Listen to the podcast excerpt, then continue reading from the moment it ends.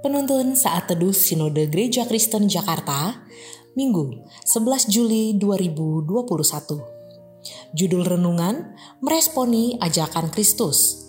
Terambil dari Nats Matius 11 ayat 28 sampai 29. Marilah kepadaku semua yang letih lesu dan berbeban berat.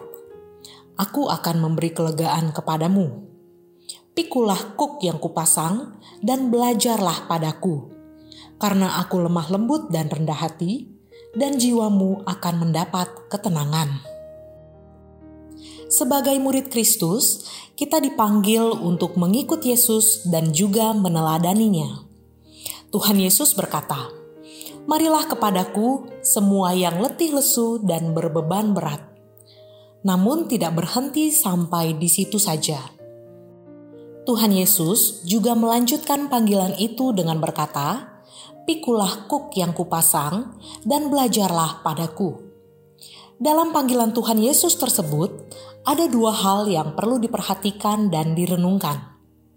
Pertama, Tuhan Yesus memanggil setiap orang untuk datang dan mengikut Dia. Ini adalah yang paling mendasar sebagai murid, yaitu mengikut Yesus.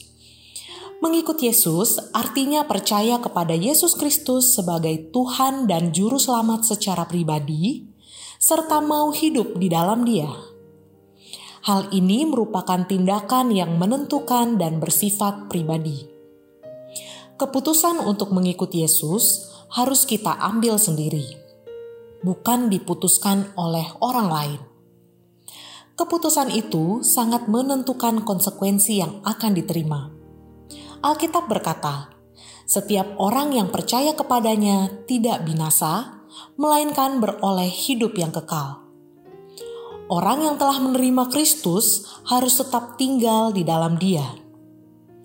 Hal ini akan membuat hidupnya menghasilkan buah. Kedua, kita diminta memikul kuknya itu berarti kita menyerahkan diri sepenuhnya untuk diarahkan dan dipimpin oleh kebenaran Kristus. Sebagaimana seorang petani yang punya dua ekor lembu. Kedua lembu itu tidak dapat mengetahui apa yang menjadi keinginan Pak Tani dan hendak berjalan menurut kemauannya sendiri. Tetapi setelah lembu-lembu itu memikul kuk yang dipasang oleh Pak Tani, ia dapat dengan mudah menuntun dan mengarahkan kedua lembunya tersebut. Dengan menundukkan diri kepada kuk yang terpasang itulah, kedua lembu dapat mengerti keinginan Pak Tani. Begitu juga hidup kita sebagai murid Kristus. Dengan bersedia memikul kuk yang Tuhan pasang, kita akan mengerti maksud dan kehendak Tuhan dalam diri kita dengan lemah lembut, kita bisa dibentuk oleh Tuhan. Dengan rendah hati, kita bisa diarahkan oleh firman-Nya. Dengan memikul kuk yang Tuhan pasang, kita baru bisa bekerja dan melayani sesuai dengan isi hati Tuhan, bukan semau-maunya kita lagi.